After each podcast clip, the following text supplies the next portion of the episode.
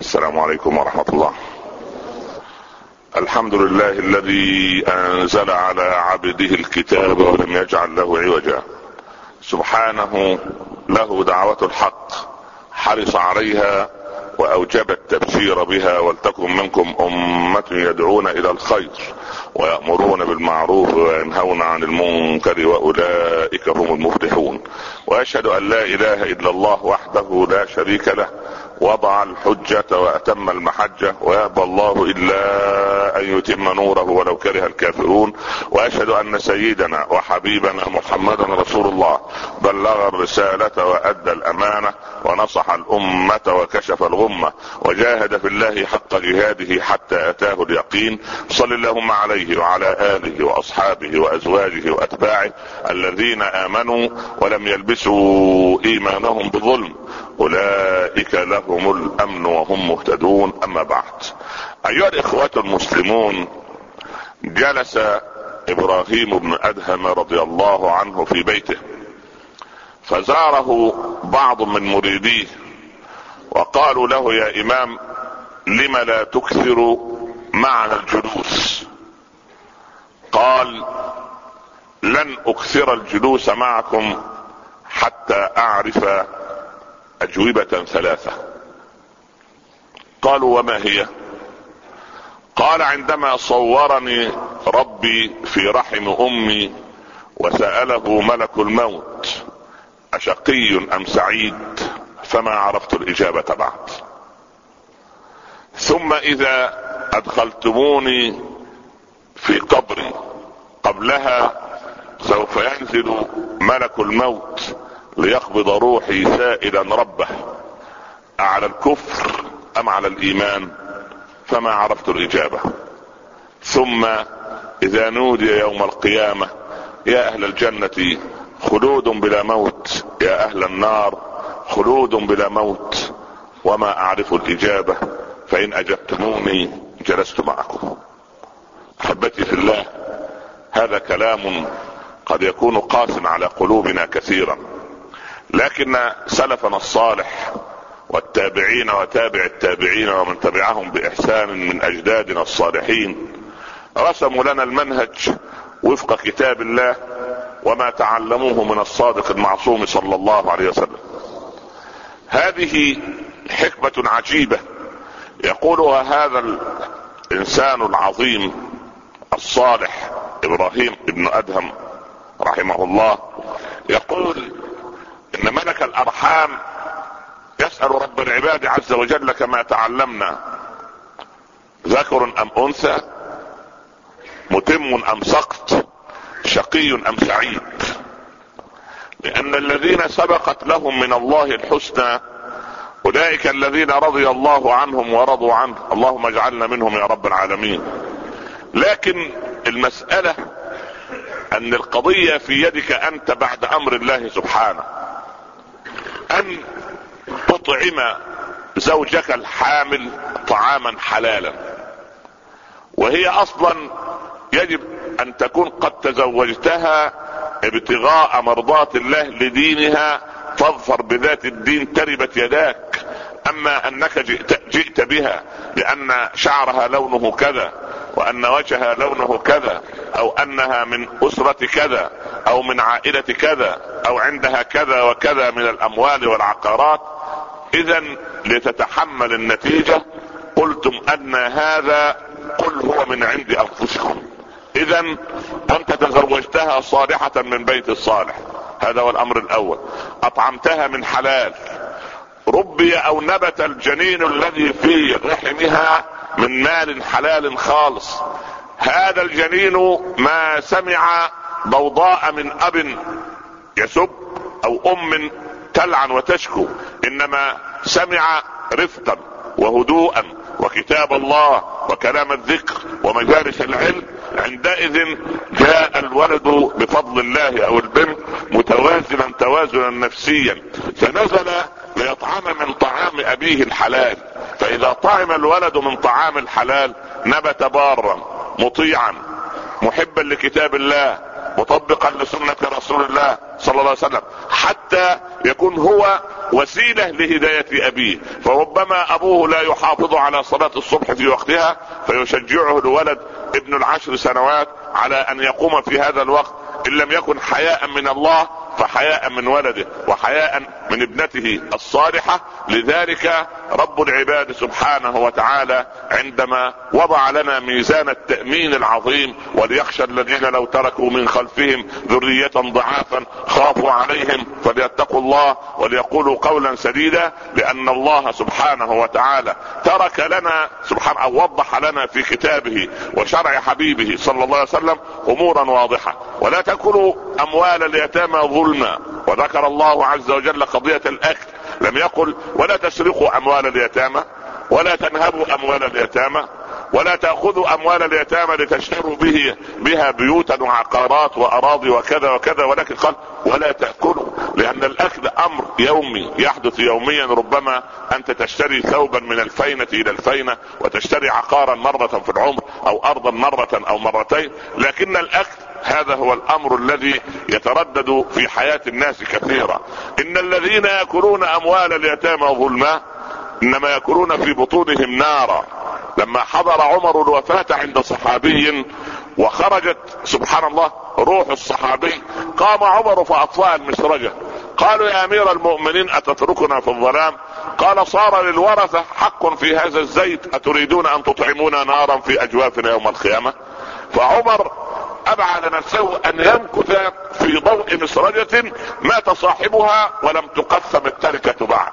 ماذا نقول للعم الذي أخذ مال أبناء أخيه؟ وماذا نقول للأخ الذي سرق مال إخوته؟ وماذا نقول للظالم الذي ظلم؟ والله لتردن المشية والمخيط حتى لو أن شاة قرناء نطحت شاة جلحاء لاختص الله من هذه لتلك. نسأل الله سبحانه الا يحشرنا في زمرة الظالمين. وأن يبعدنا عن الظلم وأهله. اتقوا الظلم فإن الظلم ظلمات يوم القيامة واجعلنا من أهل الفضل. إن تعاملنا بعدلك بفضلك عاملنا يا ربنا برحمتك وأنت أرحم الراحمين. يا أرحم الراحمين ارحمنا. أنزل علينا الماء ولا تجعلنا من القانطين.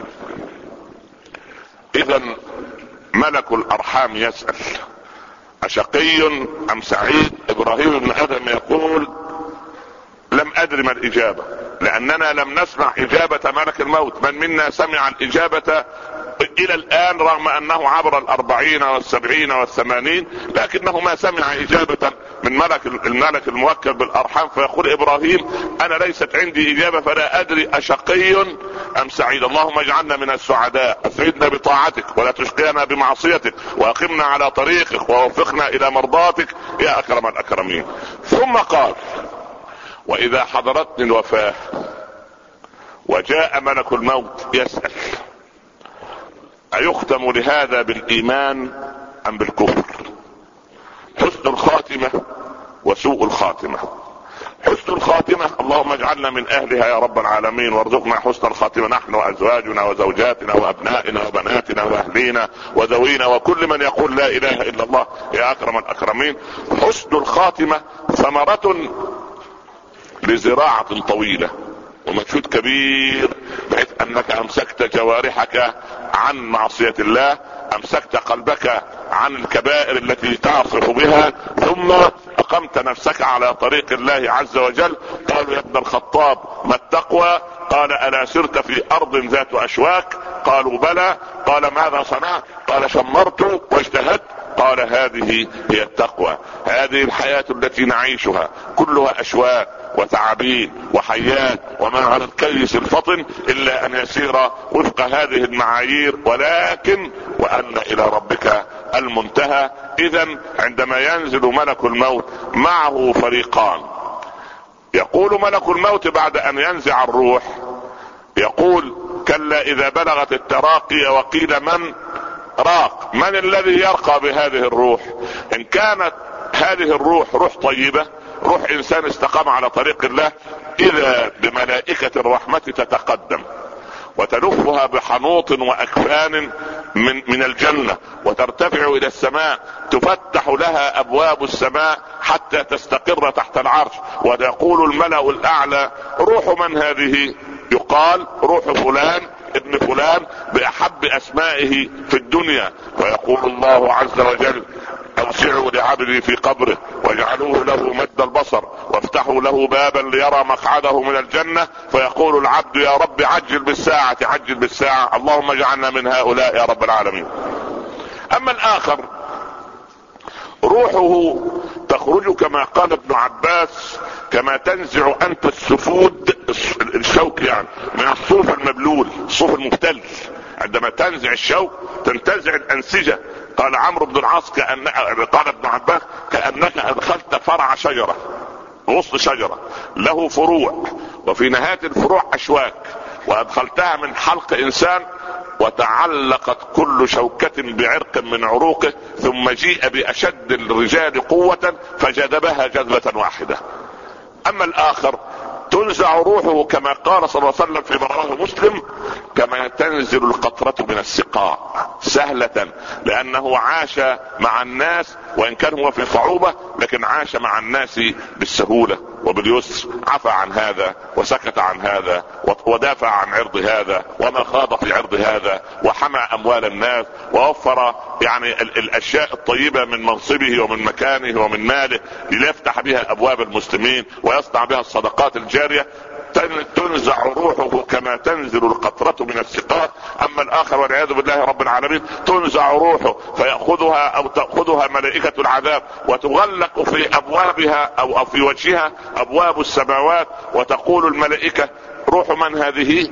يقولون روح فلان ابن فلان بأخبث أسمائه في الدنيا ويقول الله ضيقوا على عبدي في قبره واجعلوه ينضم عليه حتى تختلف أضلاعه واملأوه له حياة وعقارب وافتحوا له بابا ليرى مقعده من النار فيقول يا رب لا تعجل بالساعة لا تعجل بالساعة اللهم أبعدنا عن هؤلاء يا رب العالمين. أما الإجابة الثالثة التي يقول إبراهيم أنه ما سمعها بعد عندما ينادي المنادي يا أهل الجنة خلود بلا موت. يا أهل النار خلود بلا موت. يقول فما سمعت الإجابة بعد. أحبتي في الله هؤلاء هم الصالحون الذين وضعوا هذه القوانين أمامهم. فهل أعدنا تفكيرا في أسلوب حياتنا حتى إن جاءنا ملك الموت. نكون من السعداء الذين كتبت لهم السعادة في أرحام أمهاتهم. ثم يختم لهم بالإيمان عند قبض أرواحهم. ثم يكونون من أهل الجنة. عندما يقال يا أهل الجنة خلود بلا موت اللهم أدخلنا الجنة دون سابقة عذاب يا رب العالمين. وأبعدنا عن النار وعن كل عمل يقرب منها. إنك على ما تشاء قدير. أقول قولي هذا وأستغفر الله لي ولكم. أحمد الله رب العالمين وأصلي وأسلم على سيدنا رسول الله صلى الله عليه وسلم وبعد. أيها الإخوة المسلمون لا بد للإنسان أن يراجع حياته بين الفينة والفينة. ومن كرم الله علينا أنه ما جعلنا كمسلمين نذهب إلى المسجد مرة في الأسبوع ولكن جعلنا كل عدة ساعات نقف بين يدي رب العباد عز وجل نستعينه ونستهديه. إياك نعبد وإياك نستعين. عندئذ يجب علينا اولا بأول أن نراجع حساباتنا مع الله ثم مع أنفسنا بعد كل صلاة. هذه مراجعة يومية. خمس مرات ثلاث دقائق. بعد الصلاة راجع مع نفسك ماذا صنعت من صلاة الصبح. ماذا صنعت من صلاة الظهر؟ ثم أسأل نفسي ماذا صنعت من صلاة العصر؟ ثم إذا صليت العشاء ماذا صنعت من صلاة المغرب؟ ثم إذا جئت إلى النوم ماذا صنعت اليوم كله؟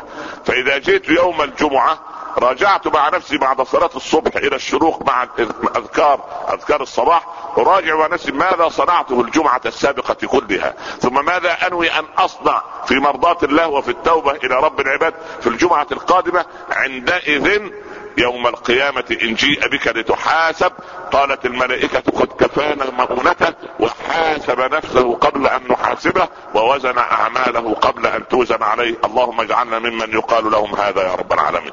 إذا مسألة المراجعة اولا بأول هذه مهمة. ثم ثم من كرم الله عز وجل أن سبحان الله العظيم كما قال الربيع بن خيثم كان رضي الله عنه إذا فتحت عليه الدنيا صنع في بيته قبرا.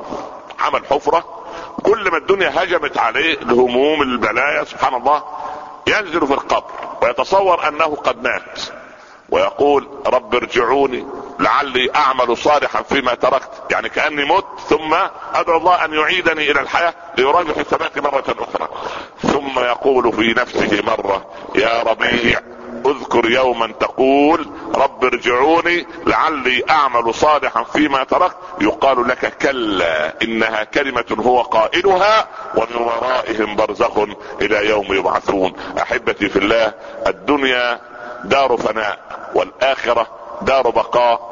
فاعمل لآخرتك واجعل الدنيا مطية توصلك إليها واجعل الدنيا مط... دابة توصلك إلى هذه الآخرة حتى تعود إلى مساكنك الأولى في جنة عدن حيث الإنسان هناك لا خوف عليهم ولا هم يحزنون. اللهم اغفر لنا ذنوبنا وإسرافنا في أمرنا وثبت يا رب أقدامنا وانصرنا على القوم الكافرين. ارزقنا قبل الموت توبة وهداية ولحظة الموت روحا وراحة وبعد الموت إكراما ومغفرة ونعيما. أكرمنا ولا تهنا. أعطنا ولا تحرمنا. زدنا ولا تنقصنا. كلنا ولا تكن علينا. لا تجعل الدنيا أكبر همنا ولا مبلغ علمنا. وانصرنا على من عادانا. اللهم يا أرحم الراحمين ارحمنا. يا أرحم الراحمين ارحمنا. يا أرحم الراحمين ارحمنا. اللهم زحزحنا عن النار وعن كل قول أو عمل يقرب منها. وقربنا إلى الجنة. ومن كل قول أو عمل يقرب إليها. أظلنا بظل عرشك يوم لا ظل إلا ظله.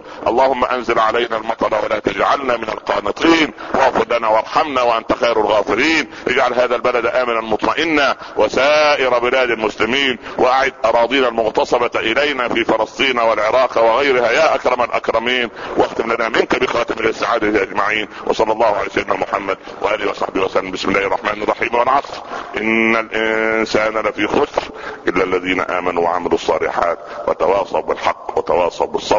صدق الله ومن اصدق من الله قيلا. نكمل حديثنا بعد الصلاة إن شاء الله وأعتذر منكم الجمعة القادمة إن شاء الله ونلتقي بحول الله واخواتي إن كنا من أهل الدنيا الجمعة التي تليها واقم الصلاة قوموا إلى صلاتكم يرحمكم الله. أحمد الله رب العالمين وأصلي وأسلم على سيدنا رسول الله صلى الله عليه وسلم. أما بعد احبتي في الله قد تكون الخطبة يعني جافة كثيرا على غير ما تعودتم. لكن الحديث عن حقائق الأمور مؤلم. ولذلك اسأل نفسك سؤالا. لماذا لم تدمع عيناك بغزارة أثناء الخطبة؟ رغم أن الحديث خطير. ابحث عن قلبك. فقد استعمرته الدنيا فقسى كما بكت العين.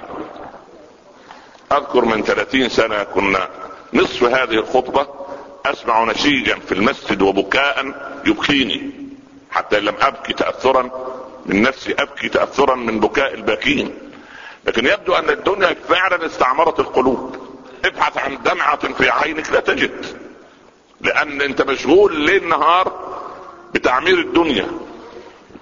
إبراهيم بن آدم نفسه دخل عليه رجل وكان في البصرة. فما يعرف إبراهيم؟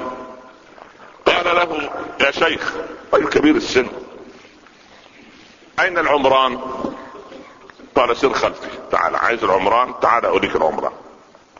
سار الرجل إلى أن خرج من حدود البصرة. اللهم أعد البشرة وبغداد والموصل والقدس وكل فلسطين والعراق وأرض الله الأرض المسلمين المسلوبة إن شاء الله إلى أصحابها بإذن الله. إن شاء الله. اللهم آمنهم في بلادهم يا رب وآمنا من روعاتنا يا رب العالمين. فلما خرجوا من حدود البصرة وجدوا المقابر. قال له يا شيخ أسألك عن العمران. فتأتي بي إلى هنا. قال هنا هو العمران. كل الذين هناك يأتون إلى هنا ولا واحد من هنا يعود إلى هناك. طيب. تعال إلى حسابات الرياضيات البحتة قال علماء الرياضة والحساب أو الرياضيات ومادة الحساب أن عندما تقسم أي رقم على ما لا نهاية تكون المحصلة إيه؟ صفرا صح؟ علم الحساب كده يعني. لما تقسم سبحان الله العظيم يعني أنا لا أدري أولادنا يفهموا كلمة صفر علم الحساب لكن لأن نقول له zero و equal وحاجة بلاغه سبحان الله شيء يعقد والله كنت في قمة خجل الولد ربنا يبارك له في فيه لأهله. ابننا اللي كان بيصلي معانا من جمعتين. مولود في السويد. وإذا اقتربت مني وسمعت لغته العربية الفصيحة احتقرت أنت لغتك. ها؟ ليه؟ لأنه يعني هل في السويد يتكلمون اللغة العربية الفصحى ويعرفون الفرق في في البلاغة عند الجرجاني والسكاكي وعبد القاهر؟ أبدا. لا يعرفون. لكن الولد لما وجد أباه وأمه يتحدثون اللغة العربية الفصيحة أو الفصحى نطق بها. اللهم احفظه يا رب. وإحنا أولادنا تقول له اكتب يا ابني. أربعة سبعة خمسة. لا لا استنى كمان مرة.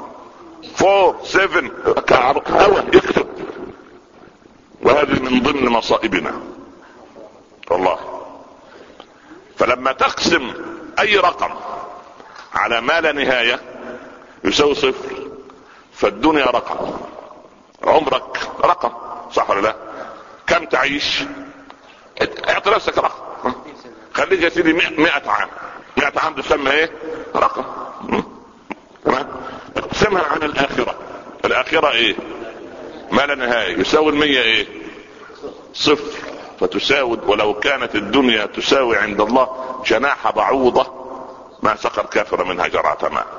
أحد الصالحين كان يحكي لنا ويقول إن أحد الأئمة الكبار قال والله لقمة أتركها من طعام عشائي خير لي من أن أقوم الليل كله. لأنه لما ملأ بطنه حصل إيه؟ حصل تخمة. فلما التخمة حصلت حصل كسل. ولما حصل الكسل حدث نوم. ولما حدث نوم طالت الحسرة. يعني من كثر طعامه قل نشاطه. ومن قل نشاطه طال نومه. ومن طال نومه دامت حسرته. نسأل الله الا يجعلنا من الذين تدوم حسرته. اذا عندما تبحث الآن لماذا لم أتأثر؟ لما لم أبكي في الخطبة؟ ما هو ما هو إبراهيم اتى برعب ورفض أن يجلس مع المريدين قالوا أنا بس لما أعرف ثلاث إجابات يعني يريد ماذا يريد أن يوصل لنا؟ رضي الله عنه. يوصل لنا حقائق ثلاثة. الحقيقة الأولى أنه لا يريد أن يضيع وقتا في غير مرضاة الله. الحقيقة الثانية أن خوفه يغلب رجاءه. طب والسؤال؟ هو أنا المفروض اخاف ام ارجو؟ قال والله لو انت في ريعان الشباب عشرين وثلاثين واربعين سنة شعرك أسود يا دنيا تهدم عليه يد وفتوة وعمل ومناقصات وعطاءات وداخل في الدنيا بصدرك وتجوب الأرض شرقا وغربا؟ من الواجب أن تغلب جانب الخوف على جانب الرجاء. والعكس مصيبة. وإذا كبر سنك احدوضب ظهرك وهن عظمك شاب شعرك. ساعتها قال غلب جانب الرجاء على جانب الخوف لأن العبد إذا عبر السبعين قال الله يا ملائكتي هذا أسيري في الأرض فأحسنوا إلى أسيري. يعني خفوا عليه في الإيه؟ في الحساب فإذا بلغ الثمانين كأن الله يناديه عبدي شاب شعرك واحدودب ظهرك ووهن عظمك فاستحي مني فإني أستحي أن أعذبك. الله يستحي من عبده الكبير ونحن لا نستحي من كبار السن. لا نستحي من كبير السن لا نحترمه لا نوقره. الخال والعم واللي في سن الأب سن الجد. والله كلما رأيت دارا للمسنين في بلاد مسلمة أقول هذه هذا مكان لإنزال غضب الله على الحي وعلى المدينة. نسال الله السلامه لأن مش ممكن يكون سبحان الله العظيم تكلمنا في الخطبة عن قضية اليتامى. ليه الوصية باليتامى بهذا المنطق؟ لأن الإسلام لما نزل نزل في مجتمع مسلم. فاليتيم لما يموت من الواجب في المجتمع المسلم مات أبوه ولكن بقي في الدنيا له كم أب؟ عشرة وعشرين وثلاثين أب. وأمان وثلاثة أمهات وعشر أمهات فيجد الولد انه سبحان الله فقد كثيرا بفقد أبيه. لكن خلي بلاش ازل لك المسألة عشان تعرف إن إحنا بعيدين عن الدين قد إيه. خلي واحد من ال... في بلد من البلاد مسؤول من المسؤولين الكبار. وزير حاجة كبار كده ذو حيثية. وجاء بولده الصغير عنده خمس سنوات. يصلي بجواره المسجد يعمل إيه مع الولد كله؟ اللي يقبله واللي يهننه واللي يدلعه واللي واللي عايز يشيله شوية واللي يتمسح ببركاته وبركات أبيه. لا رضي رضي الله عنه. يعني حاجة زي كده؟ سبحان الله. طيب خلي الأب ده يتشال من الوزارة. وجاء الولد لوحده. ولد مع الأولاد ورا. خلاص. خلاص. خلصت هذا دليل على قساوة القلوب. وعلى نفاقنا في التعامل. وعلى أننا يعني لا, لا نجيد سبحان الله كيف يتعامل الواحد منا مع رب العباد عز وجل. دخل علي ابن زين العابدين بن الحسين بن علي رضي الله عنه على هشام بن عبد الملك. هشام برضه في النعرة الأموية. فلما دخل سليل آل البيت ما وجد مكانا وعلم أن الأمر مقصود. لأنه أعلم الأمير ان إيه؟ انه أن فلان جاي وهذا الإنسان لأن سلالة ال البيت رضي الله عنهم كانوا لا يخافون في الله لومة لائم لك يجي يقرعنا بكلام. فضيقوا عليه المجلس بحيث لا يجد إيه؟ مكان. قال نستودعكم الله الذي لا تضيع ودائعه إحنا مش يعني ماشي.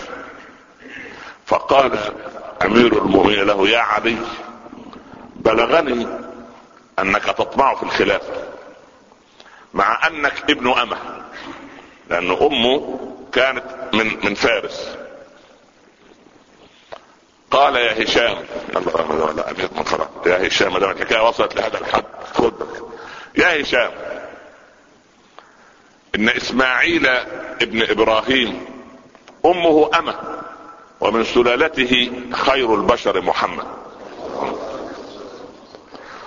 وإن إسحاق ابن سارة وهي حرة بنت حرة صح لا؟ ومن أحفادهم القردة والخنازير. يعني القضية ما فيش داعي انك يعني ولو زدتني لزدتك. ولن تجدني بعد ذلك اليوم يا هشام إلا حيث ما تكره. يعني إيه لا تعادي الناس لا داعي لعداء الناس انت اقبل من الناس ويعني وامتص عداوتهم سواء في البيت في في الجار في صاحب العمل في الموظف الذي عندك. أنت ربما تستهين بموظف هذا يساوي إيه؟ ده في ناس أصحاب أعمال يقول لك ده, ده, ده كم يساوي عندي هذا؟ أو ده أنا أدوس برجلي زي الحشرة. لا حول ولا قوة إلا بالله. ليه؟ لأن الكبر لما لما لما لما لما ينمو سبحان الله وقلت من قبل لكم أن المتكبر هو يرى نفسه كبيرا لكن حقيقة الأمر الناس يرونه إيه؟ المتكبر يرى نفسه فوق برج عالي. أمر أنت عندك برج سبعين طابق.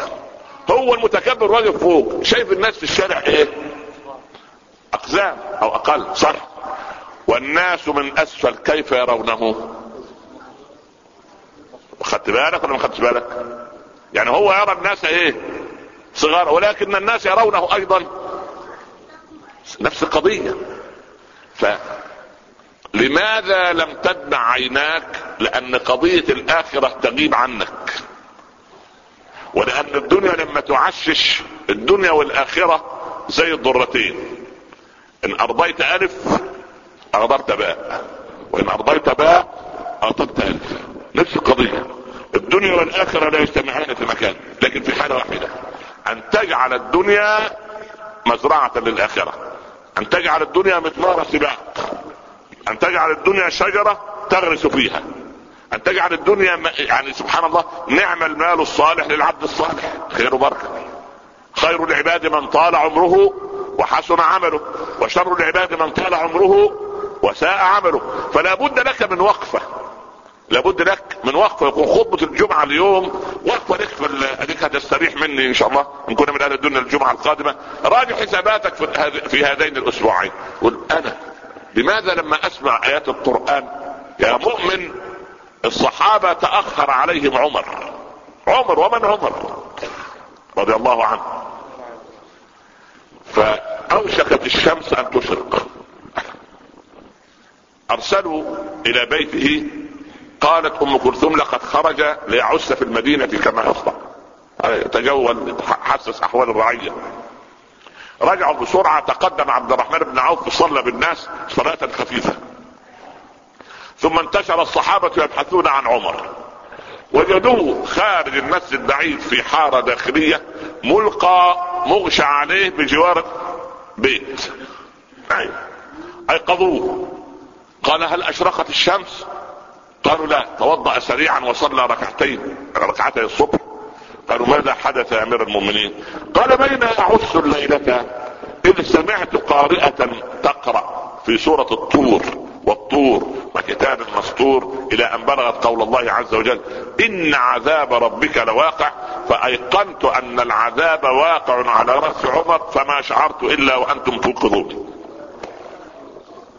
لكن انت لما تسمع ان عذاب ربك لواقع هذا واقع على المجرمين على الفسقة على اللي مرتكب على اللي بيتعاملوا بالربا على اللي بيظلموا الزوجات على اللي بيأكل أموال الناس ظلما. يا ابن الحلال سبحان الله العظيم. أما لك في عمر من قدوة ومن أسوة لما أول ما تولى قبل أن يذهب ليدير دفة الحكم عايز يطمئن على روحه.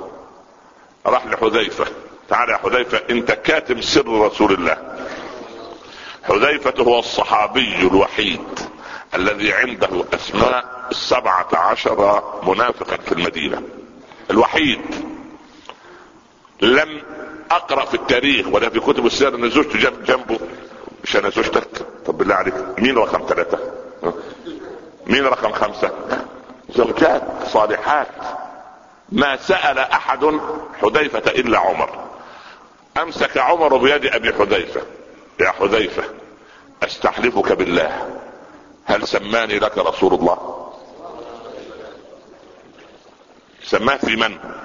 ها؟ من ضمن الإيه؟ القائمة. هل سماني لك رسول الله؟ حذيفة من شدة هول السؤال يجهل في المكان. قل إذا كان عمر اللي الرسول مات عنه وهو راضي ووافق الوحي الأعلى في عدة أمور خايف على روح أن يكون من ضمن قائمة الإيه؟ المنافقين. فيبكي حذيفة خوفا على نفسه. فيقول عمر إن حذيفة يعلم أني من السبعة عشر ولا يريد أن يخبرني. فيبكي عمر لبكاء حذيفة. وإحنا فين أين نحن؟ إحنا شغلتنا أموالنا وأهلنا ده حتى نفس القضية إيه شغلتنا أموالنا وأهلنا فاستغفر لنا. حتى مش فاضي الاستغفار. أنا هديك وكالة استغفر عشان أنا مش فاضي. يبقى استغفر لي. لا حول ولا قوة إلا بالله. ولد تعبان في المذاكرة لا يذاكر ولا ولا يحضر لا مدرسة ولا محاضرة. ادعي لي يا سيدنا الشيخ يا ابني أهم من الدعاء أن تذاكر الأول.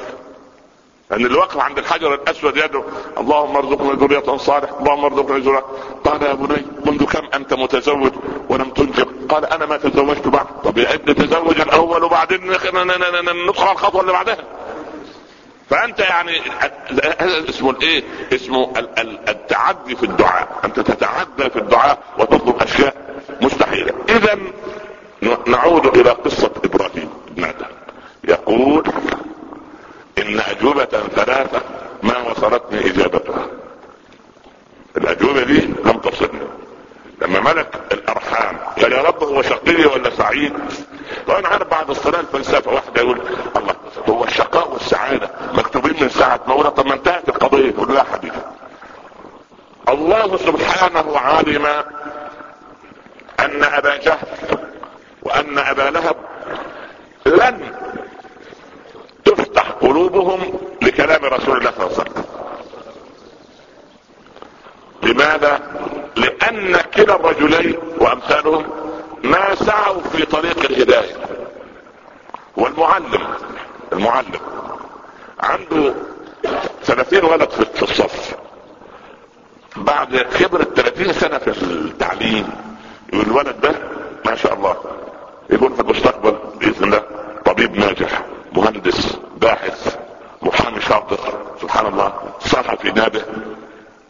فعلا تصدق فراسة الايه؟